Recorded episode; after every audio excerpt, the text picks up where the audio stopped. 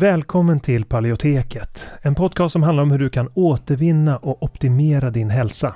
Vi presenterar spännande forskning, praktiska verktyg och inspirerande berättelser som ska hjälpa dig att ta makten över din egen hälsa. Vi som gör podden heter Karl Hultén och Anna-Maria Norman. En bristande maghälsa kan ge symptom i helt andra delar av kroppen. Det är något som många tyvärr inte känner till trots att mer än en miljon svenskar har IBS idag. Alltså problem med magen. Och tyvärr är magproblem i de flesta fall inkörsporten till annan ohälsa. Det kan vara inflammation, diffusa symptom, allergier eller autoimmun sjukdom. Och för att möta den här trenden av växande behov så har vi utvecklat kursen Maghälsa på djupet. Där vi går på djupet med att vända dålig maghälsa som SIBO och IBS.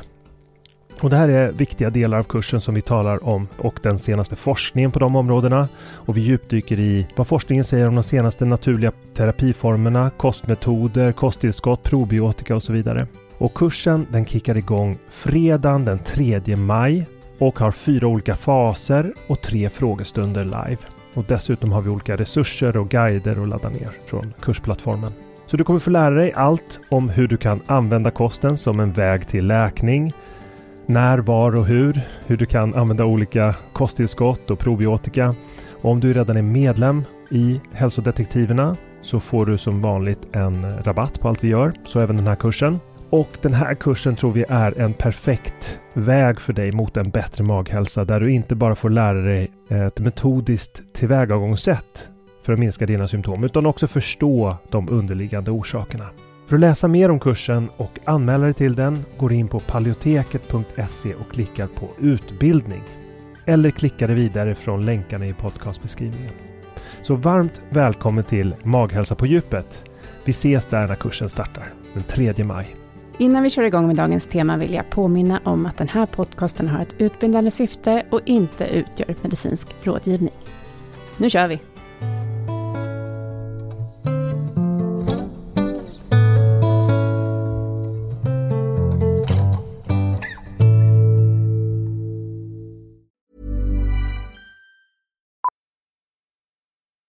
Millions of people have lost weight with personalized plans from Noom. Like Evan, who can't stand salads and still lost 50 pounds. Salads generally for most people are the easy button, right? For me, that wasn't an option. I never really was a salad guy. That's just not who I am. But Noom worked for me. Get your personalized plan today at Noom.com. Real Noom user compensated to provide their story. In four weeks, the typical Noom user can expect to lose one to two pounds per week. Individual results may vary. Hold up. What was that? Boring. No flavor. That was as bad as those leftovers you ate all week. Kiki Palmer here, and it's time to say hello to something fresh and guilt-free. Hello Fresh. Jazz up dinner with pecan-crusted chicken or garlic butter shrimp scampi. Now that's music to my mouth. Hello Fresh. Let's get this dinner party started. Discover all the delicious possibilities at hellofresh.com. Quality sleep is essential. That's why the Sleep Number Smart Bed is designed for your ever evolving sleep needs. Need a bed that's firmer or softer on either side? Helps you sleep at a comfortable temperature? Sleep Number Smart Beds let you individualize your comfort so you sleep better together. JD Power ranks Sleep Number number 1 in customer satisfaction with mattresses purchased in-store. And now, save 50% on the Sleep Number limited edition Smart Bed for a limited time. For JD Power 2023 award information, visit jdpower.com/awards. Only at a Sleep Number store or sleepnumber.com. Förra avsnittet handlade om smärtstillande läkemedel och naturlig smärtlindring. Det här är en uppföljning på det och handlar om köldterapi och värmeterapi. Carl berättar om sina egna erfarenheter och kikar på forskningsunderlag som finns och också vad som saknas på forskningsfronten gällande det här.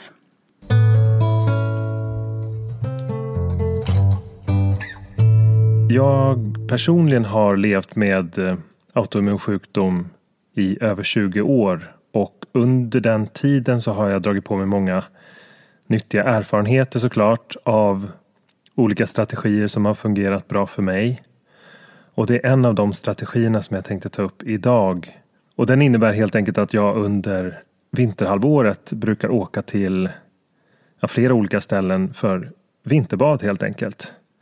Eh, och det har jag gjort i över tio år och det är en, en källa till eh, välbefinnande, eh, njutning och eh, helt enkelt förhöjd livskvalitet och i viss mån minskade symptom som, som då har funkat för mig och som jag tänkte vi skulle prata lite om idag.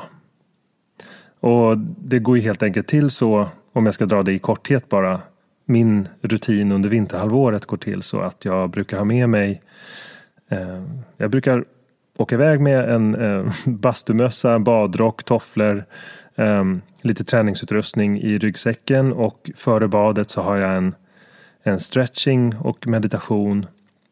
Och sen det, har, brukar jag använda bastun först och sen tre eh, kallbad som varierar i tid. Och vi kommer prata lite mer om det här med tidsaspekten som är ganska viktig när det gäller kallbad. Men jag tänkte börja lite med en bakgrund eftersom kyla och värme har en förmåga att starkt påverka en mängd olika processer i kroppen. Både blodflöde, inflammation, eh, aktivering av nervsystemet, avslappning av muskler och kanske framförallt frisättning av flera hormoner kan påverkas av eh, kyla och värme.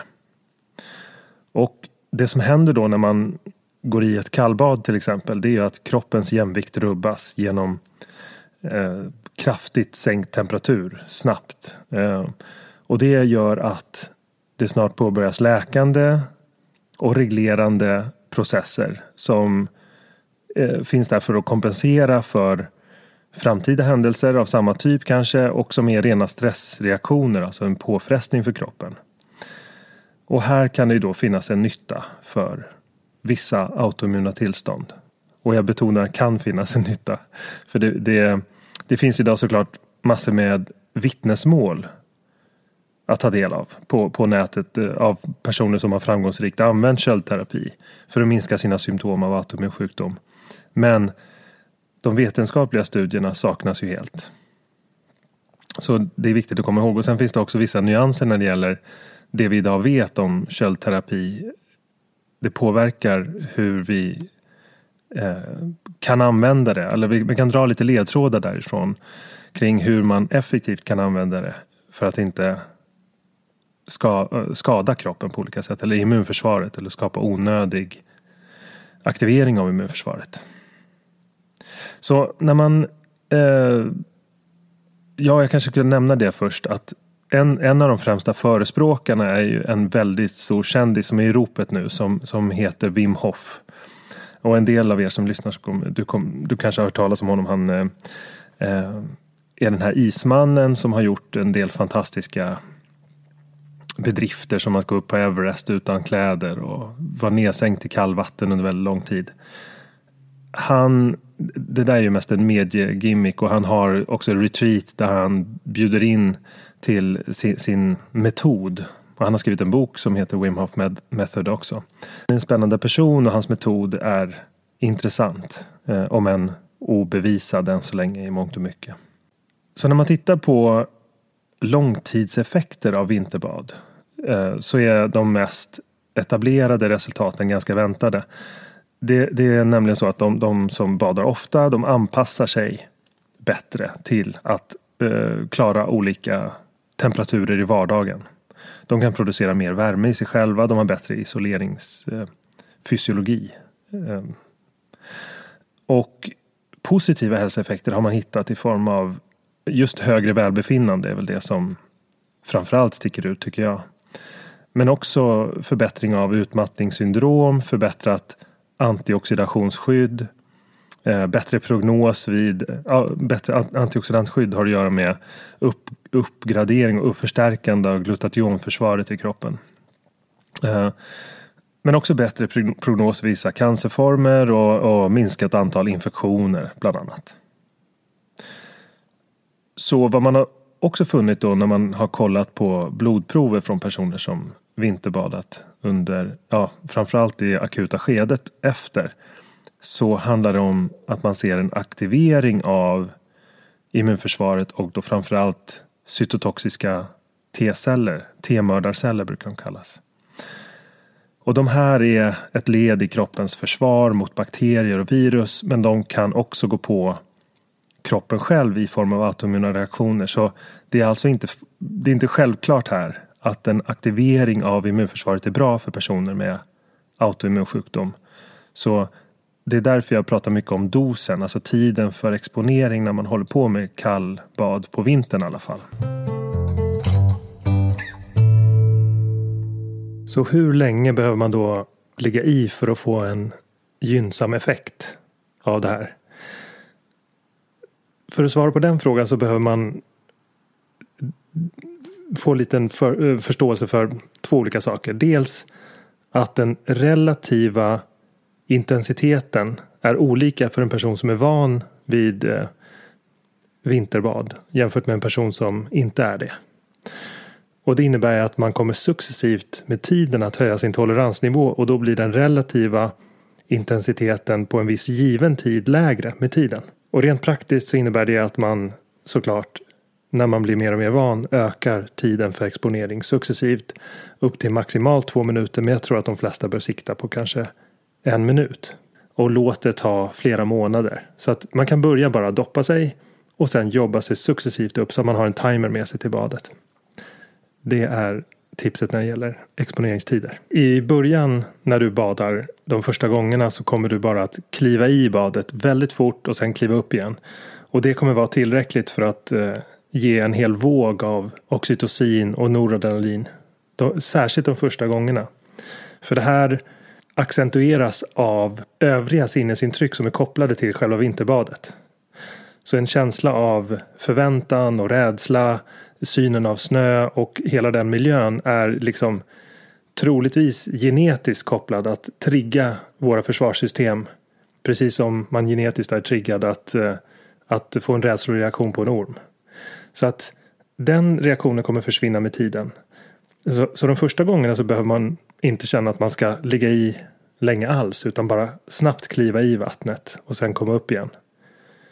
Och sen så kommer du märka med tiden framförallt eh, efter någon månad eller två att den exponeringen inte räcker längre för att få samma härliga känsla av eh, nästan en hög känsla, eller vad man ska beskriva den som. Eh, det kommer inte räcka utan eh, då, då ökar man exponeringen något. Men det är någonting som sker organiskt och ingenting man behöver. Man ska absolut inte sätta sig och pressa de första gångerna särskilt utan var försiktig i början. Så finns det då någon vits med att eh, göra det här bara ett fåtal gånger per säsong? Alltså, svaret på den frågan är eh, troligtvis nej. Eh, inte om vitsen är att få en, en varaktig immuneffekt då krävs det mer regelbundenhet. Åtminstone minst varannan vecka. Det här är eh, lite sådär hal is när det gäller de här påståendena för det finns inte något ordentligt forskningsunderlag men det är mer som en kvalificerad gissning. Man behöver kontinuitet för att åstadkomma fysiologiska förändringar. Man kan inte baserat på en exponering få, få de här immuneffekterna som som blir mer varaktiga. Men däremot så kan man ju få en väldigt stark belöningseffekt av att eh, uh, gå en, enstaka gånger. Den blir nästan starkare av det. Så att om man vill ha det här som en uh, någon slags uh, festlig grej som man, som man mår väldigt, väldigt bra av så kan man ju spara det och låta dosen och exponeringen ge så mycket mer belöningseffekt då. Men vattenterapi kan vara väldigt många olika saker. Eh, vatten har använts som behandling under väldigt lång tid och har många olika namn.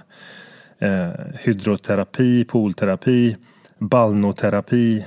De olika terapiformerna har använts för olika tillämpningar eh, och det är för att vatten är en stark fysiologisk kraft som kan snabbt avlägsna värme från kroppen omkring 800 gånger snabbare än luft. Det lär man sig på dykutbildningen som jag gick för väldigt länge sedan. I alla fall, om jag inte minns fel. Eh, och det medför ju då att vatten kan bli en stressfaktor som kan påverka kroppen fundamentalt. Eh, och eh, här handlar det om hur mycket stress man lägger på kroppen för att få rätt effekt.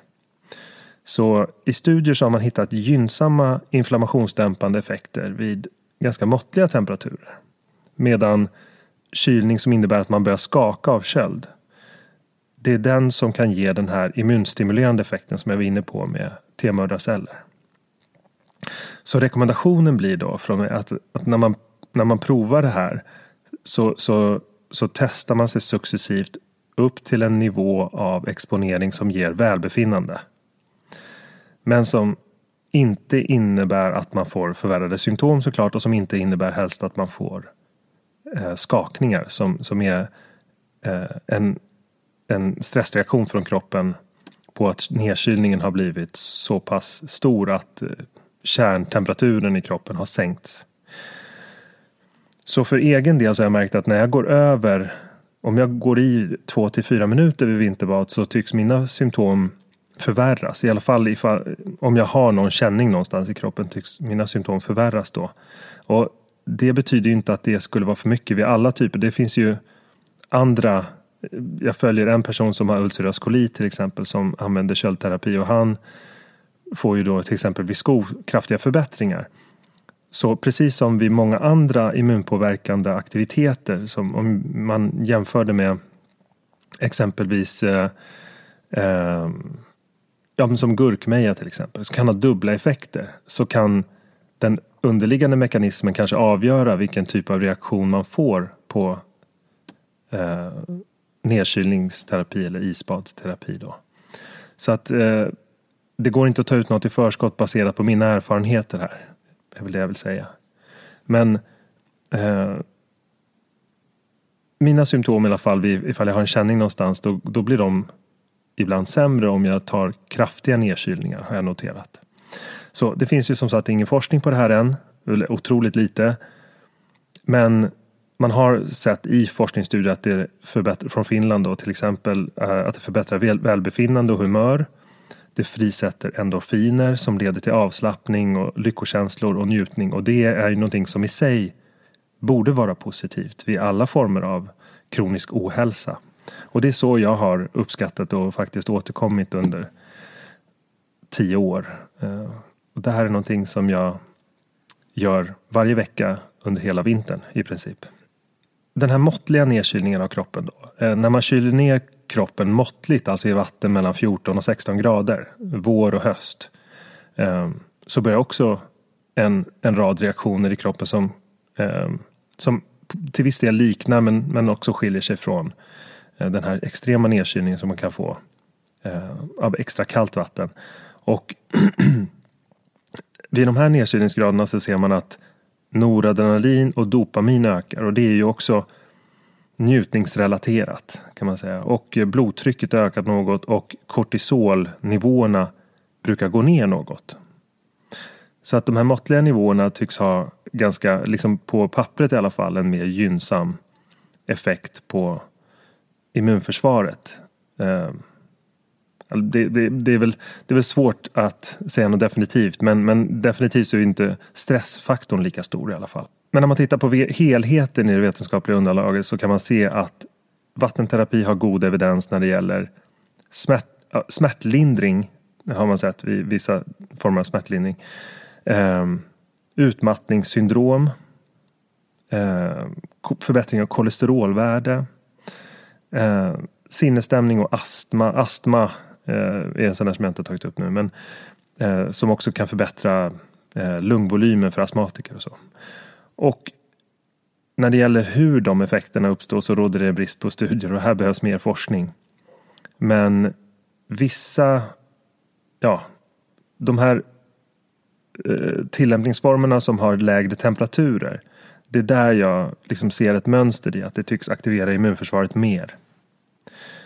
Eh, och det stämmer ju också med bilden att köldterapi också minskar antalet infektioner som man sett i ett par studier.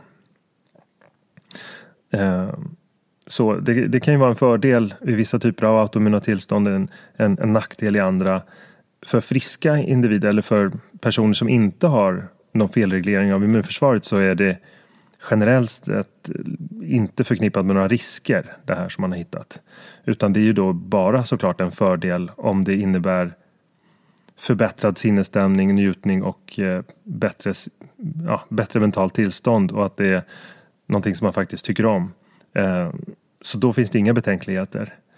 Ehm, men som sagt, tiden för exponering i kallvatten, det är den som man bör vara lite försiktig med. Och särskilt då om man har högt blodtryck eller tidigare hjärtsjukdom.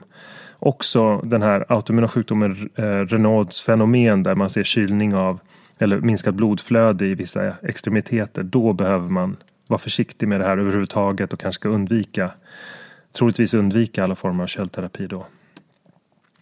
Men eh, om man ska gå vidare till några korta tips bara på hur man kan tillämpa det här. Eh, för jag tycker att det, det, här är ju upp till dig att utforska. Eh, så vår och höst skulle jag, eh, en, någonting att börja med där skulle kunna vara fem minuters bad i vatten som är mellan 10 och 15 grader. Det kunde vara en bra början. Under vinterhalvåret så kan man tillämpa exponering i upp till, jag skulle säga max två minuter. Men här är ju som sagt väldigt varierande beroende på vad man noterar när det gäller symptom. Det finns en risk för aktivering av immunförsvaret så att det vill vi undvika. Så undvik gärna köldskakningar i alla fall. Och det är inte alla som börjar skaka vid samma tidpunkt utan en mindre kroppsvolym gör ju såklart att man börjar skaka tidigare. Så att en person som väger runt 50 kilo kommer börja skaka ohämmat efter 3 till 4 minuter. Medan eh, jag personligen skulle kunna ligga i, kanske som har större kroppsvolym kan ligga i kanske 5-6 minuter för att få samma. Så att man får vara medveten om att kroppsvolymen har en betydelse för hur stark nedkylningseffekten blir. Och det påverkar ju den totala stressfaktorn. Det blir en individuell skillnad där. Um, men uh, en till tre gånger, alltså tre gånger per vecka uh, brukar vara lagom. Eh, det finns min, en slags minnesfunktion i de här anpassningarna som kroppen gör som varar mellan 7 och 14 månader. Så att har man väl blivit köldanpassad och det brukar man märka när man blir. Att det, det känns Eh, en mindre stimulans i kroppen så att säga och man märker att värmen återkommer snabbare och sådana saker. Mm, det fungerar som ett kroppsligt minne som sitter kvar eh, i form av eh, neurologiska anpassningar och eh, fysiologiska i form av ökat antal bruna fettceller som, som, som producerar värme. Eh, men kom ihåg också att när man gör de här exponeringarna eh, Ja just det, jag sa inte det. Tre exponeringar per tillfälle brukar jag göra personligen. Men det finns inget facit på det här vad som är bra eller dåligt. Ehm, men kom ihåg också att kroppen och nervsystemet blir trött på samma sätt som ett träningspass. När man utsätter sig för, för vinterkallt vatten. Så det här är någonting som stressar både nervsystem och kropp. Och det hormonella. Har man binjureutmattning kanske man bör vara lite försiktig med det här. Eh, det, det frisätter både kortisol och noradrenalin. Eh, så att det, det kanske är för mycket stress för en, en sån person. Om du har en situation där du har symptom som du märker av och det är vinter och du har eh, liksom möjlighet att utvärdera det här och inte har hormonella nedsättningar av det slaget eller de här tillstånden som jag nämnde med blodtryck, hjärtsjukdom eller Renaults fenomen. Då tycker jag att det är värt att testa. Så någonting som man kan göra då året runt det är kontrastterapi och det är, det är när man växlar i duschen mellan varmt och kallt vatten. Och det brukar man göra ungefär en minut varmt, en minut kallt och växla mellan dem i ungefär fem minuter. Då. Så ganska bra att välja samma tid för båda exponeringarna tycker jag. Och sen till slut förstås att använda varma duschar för ren avslappning.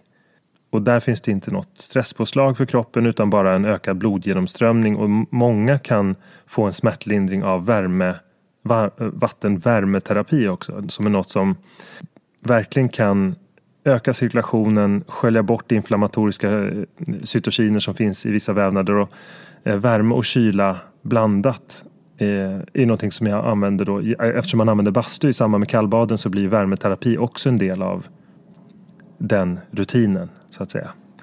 Så det är väl inte troligt att det är lika immun, immunpåverkande som köldterapi men det är väldigt skönt och det är väl värt sin tid med varm, värme, alltså värmebad eller varma duschar. Ja, några avslutande tankar var väl när man använder köldterapi eh, med längre tider i vattnet. Det, det brukar vara något som man inte väljer när man har skov tycker jag. Utan att det är något som man använder när man har hyfsat lugnt med eh, immunpåslag, alltså att man har låg eh, symptomnivå. Och sen också att eh, vattenterapi inte måste påverka den autoimmuna process, processen för att vara bra. Eh, den är en väg till förhöjt mentalt tillstånd och bättre välbefinnande och det kan ju räcka så. Man måste inte ha alla de här studierna för, på att det skulle vara, ha positiv immunreglerande påverkan. Eh, för det kanske det inte har. Det vet vi inte idag. Men om det kommer fler studier så kommer jag såklart att hänga på låset och berätta mer om dem. Jag hoppas det ska vara en bra källa till inspiration där. Tack för idag.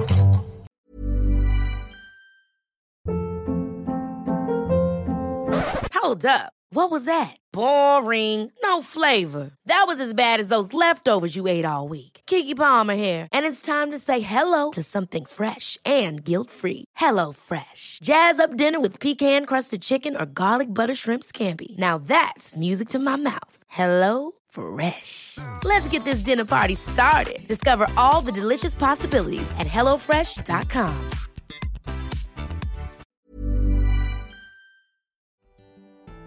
Tack så mycket för att du har lyssnat på det här avsnittet av Paleoteket. Vi hoppas att det har varit till nytta för dig. Om du vill få hjälp att uppnå dina hälsomål står vi redo att hjälpa dig. Vårt medlemskap Hälsodetektiverna är en gemenskap online där du träffar likasinnade, får hälsoinspiration hela året och kan ställa frågor direkt till oss på våra medlemsseminarier. Nu under våren startar också två onlinekurser. AIP Masterclass är kursen för dig som vill lära dig allt du behöver veta om kostupplägget AIP, autoimmunprotokoll, samtidigt som du blir guidad genom en stegvis process med både läkningsfas, utvärdering och återintroduktioner. Sen har vi kursen Maghälsa på djupet som riktar sig till dig med IBS och misstänkt eller konstaterad SIBO. Vi fokuserar helt på vad du kan göra med kost, livsstil och strategiskt utvalda kosttillskott. För dig som föredrar att läsa finns också våra fyra böcker. Besök paleoteket.se för att veta mer och glöm inte att prenumerera på vårt nyhetsbrev. Du hittar länkar i beskrivningen till podcastavsnittet.